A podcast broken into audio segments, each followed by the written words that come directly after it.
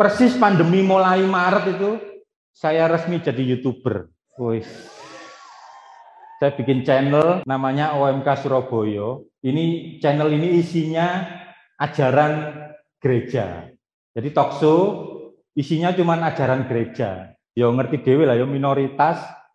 Minoritas bikin channel YouTube di tengah belantara konten sing koyo ngono iku, tapi kita tetap pede bikin ngono talkshow dan video yang video pertama yang nonton 400 orang. Oh, itu aku bahagia, sumpah gak bisa turu. 400 orang, ya Tuhan, terima kasih. Video kedua itu menurun 230 orang. Tetap bahagia ya Tuhan.